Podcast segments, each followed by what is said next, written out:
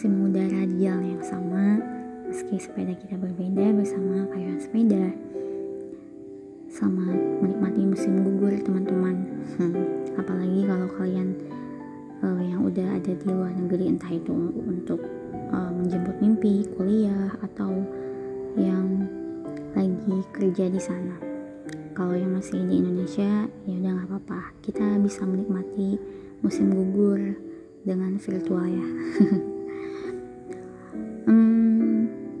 pas nge-podcast ini kayaknya mendukung banget nih buat terbahan sambil nonton atau baca buku. Dan kalian kalau udah eh kalau kalian lagi dengerin juga nggak apa-apa sambil beraktivitas juga ya. Tapi jangan sambil nonton atau baca buku nanti kebagi dua fokus. Apa kabar? Semoga hatinya selalu dalam ketenangan ya. Amin.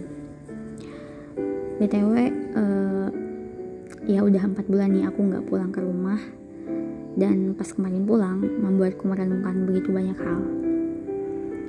Dan aku jadi punya pemikiran bahwa ya sepenting itu ya pulang. Karena kan kalau kuliah tuh beda ya maksudnya kalau misalnya kita jenuh kita masih bisa main gitu. Dan kita masih bisa uh, menunda untuk pulang. Bahkan aku juga pernah tuh bikin cerpen tentang pulang di mana si karakter tokoh utamanya itu dia menunda kepulangan karena sesibuk gitulah tapi saat apa namanya uh, udah ngerasain kerja dan ya di tempat kerja sistemnya itu sangat sulit untuk pulang karena ya mungkin masih kayak pandemi ya jadinya aku ngerasa sesusah itu pulang dan sepenting banget itu untuk pulang. So bagi teman-teman yang lagi merantau dan bisa bebas dalam keadaan pandemi ini, jangan lupa pulang ya dan tetap perhatikan protokol kesehatannya. Oke? Okay? Aduh ngalah ini dulunya banyak banget nih intronya. Maaf ya. Aduh jadi pengen ngebahas sesi pulang juga nih nanti kapan-kapan di random discussion. Tapi kayaknya belum saatnya deh. Itu cuma intro doang, maaf ya. Nah, kali ini di episode ke-29 Random Discussion, aku pengen ngomongin rasa syukur. Lagi-lagi syukur ya, selalu dibahas karena mungkin si kayuan sepeda juga ini sering oleng banget tentang uh, untuk bersyukur tuh ya. Jadi aku pengen sekali lagi memahami arti kata rasa syukur, rasa syukur itu untuk diriku sendiri dan semoga buat teman-teman sompi juga bisa bermanfaat. Amin. Nah, memang ya kita nggak bisa memungkiri kalau ternyata syukur ini emang nggak bisa lepas dari kehidupan kita. Klasik banget. Tapi percaya nggak sih? Bersyukur itu kunci dari bahagia. Nggak percaya? Ayo kita percayakan pada Allah.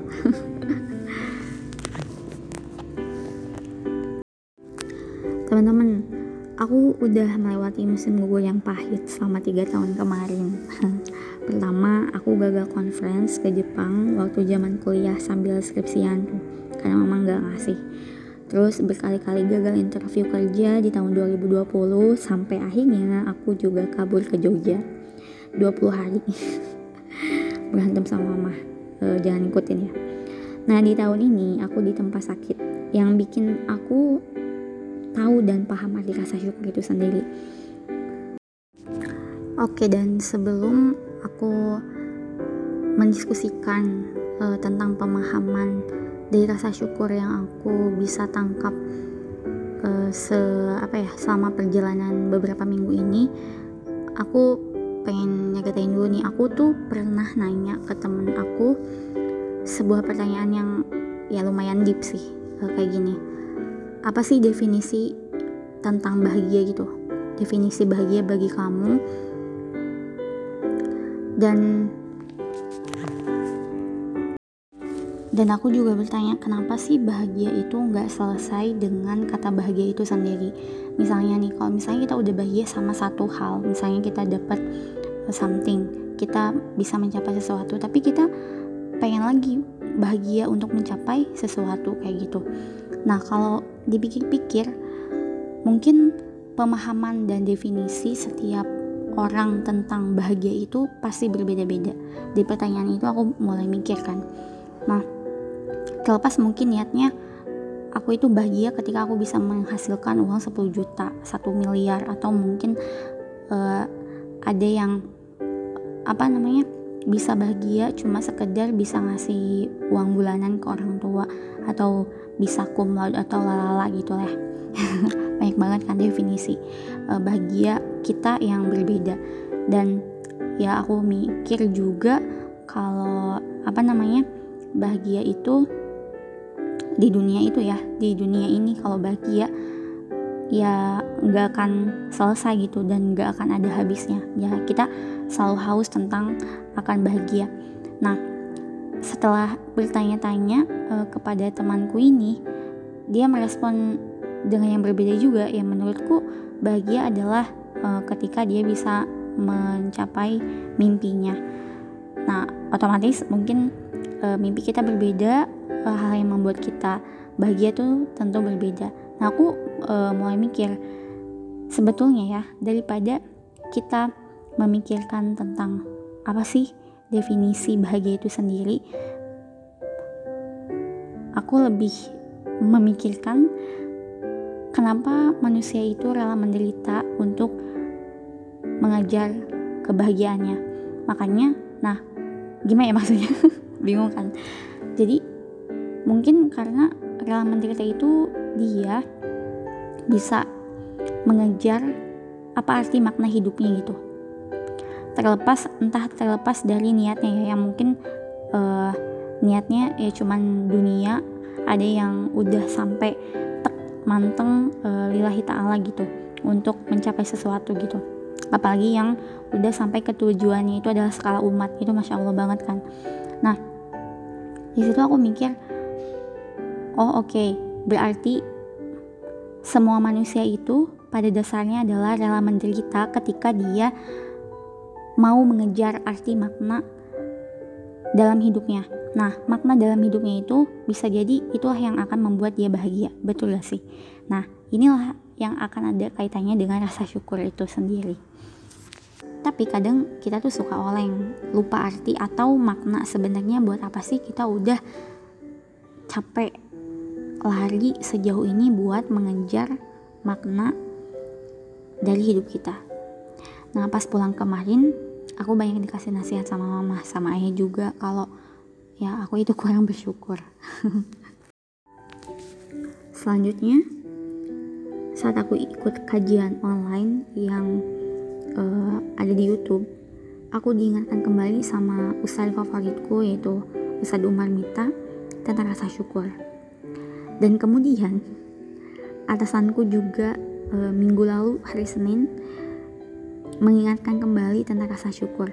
Nah, udah tiga kali secara dua minggu dan mungkin ini adalah cara Allah untuk mendidik aku supaya saat aku sudah diingatkan tentang rasa syukur di rumah itu tuh enggak sekedar masuk kuping kanan keluar kuping kiri gitu kan nah dan aku juga mikir setelah mendapatkan tempaan untuk diingatkan selalu tentang arti rasa syukur itu kenapa ya manusia itu kadang untuk mancing rasa syukur itu adalah saat membuat perbandingan diri sendirinya dengan orang lain gitu. Orang lain yang masih punya kekurangan dibanding diri mereka sendiri. Tapi ternyata rasa syukur itu bukan soal perbandingan. Tapi rasa syukur itu adalah tentang bertanya kita tuh udah ngerasa cukup belum sih sama apa yang kita punya? Kita tuh udah ngerasa tenang belum sih sama apa yang udah kita punya? Terus apalagi yang harus diambil? Maksudnya diambil di sini adalah sesuatu apa yang harus kita kejar lagi gitu.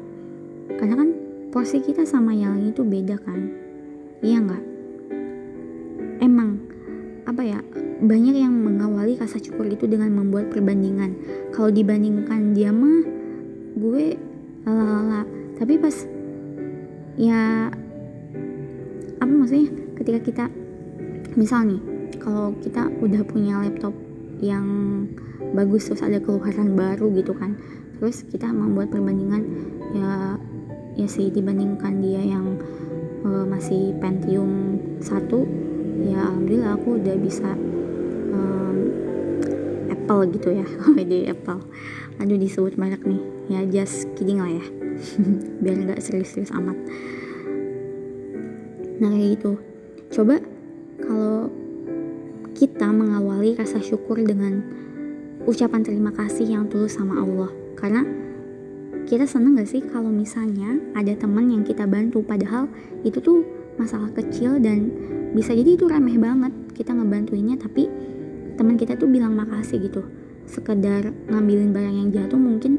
Dan gimana ya aku mah sangat seneng kalau misalnya ada orang yang ketika aku bantu meskipun itu hal kecil dia bilang makasih. Bukan maksudnya bukan karena pengen dibilang makasih ya. Bukan itu bukan tentang itu. Karena mama pernah ngajarin kalau ungkapan terima kasih kita ke manusia yang udah nolong kita itu secara gak langsung kita berterima kasih ke Allah. Karena bukankah orang yang nolong kita itu adalah perantara Allah? Betapa sayangnya Allah itu ke kita. Maka untuk aku di episode ini aku pengen ngajak diri aku sendiri untuk selalu merenungkan dan bisa selalu teringat betapa rasa syukur itu emang gak bisa lepas dari kehidupan kita bareng sedetik pun gitu. Gak pernah bisa. Dan bersama-sama teman-teman Sompi yang lagi dengerin podcast episode 29 ini. Nah pertanyaannya adalah kapan sih kali terakhir kita ngucapin makasih sama Allah? Even itu buat hal-hal yang kecil dan remeh. Di tahun ini, di bulan apa, kita udah nangisin hal-hal yang udah Allah kasih dan bilang makasih dengan tulus. Karena sesungguhnya rasa syukur itu sangat dekat sebetulnya. Rasa syukur bukan lahir dari perbandingan antara kamu dengan yang lain, tapi sesederhana kita bilang makasih. Karena rasa syukur itu membuat kita fokus pada apa yang udah Allah kasih dan yakin deh, pasti bakal Allah tambah kalau kita bersyukur gak harus mulai dari ngebandingin diri kita sama orang lain kok. Karena ya itu mah gak akan ada habisnya. Dan ya kalau misalnya kita oleng kita bakal terus aja gitu ngebandingin diri kita sama orang lain. Jadi kapan mau bersyukurnya? Coba deh kalau misalnya kita mengawali rasa syukur dengan bertanya emang kamu tuh butuh apa lagi sih? Apa aja yang kurang? Terus udah bilang makasih belum sama apa yang udah Allah kasih.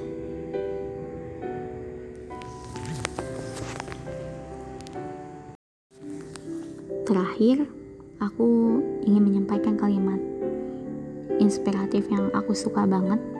Aku lupa siapa penulisnya, tapi penulis ini uh, bilang aku pokoknya aku baca di apa sih di Pinterest kalau nggak salah.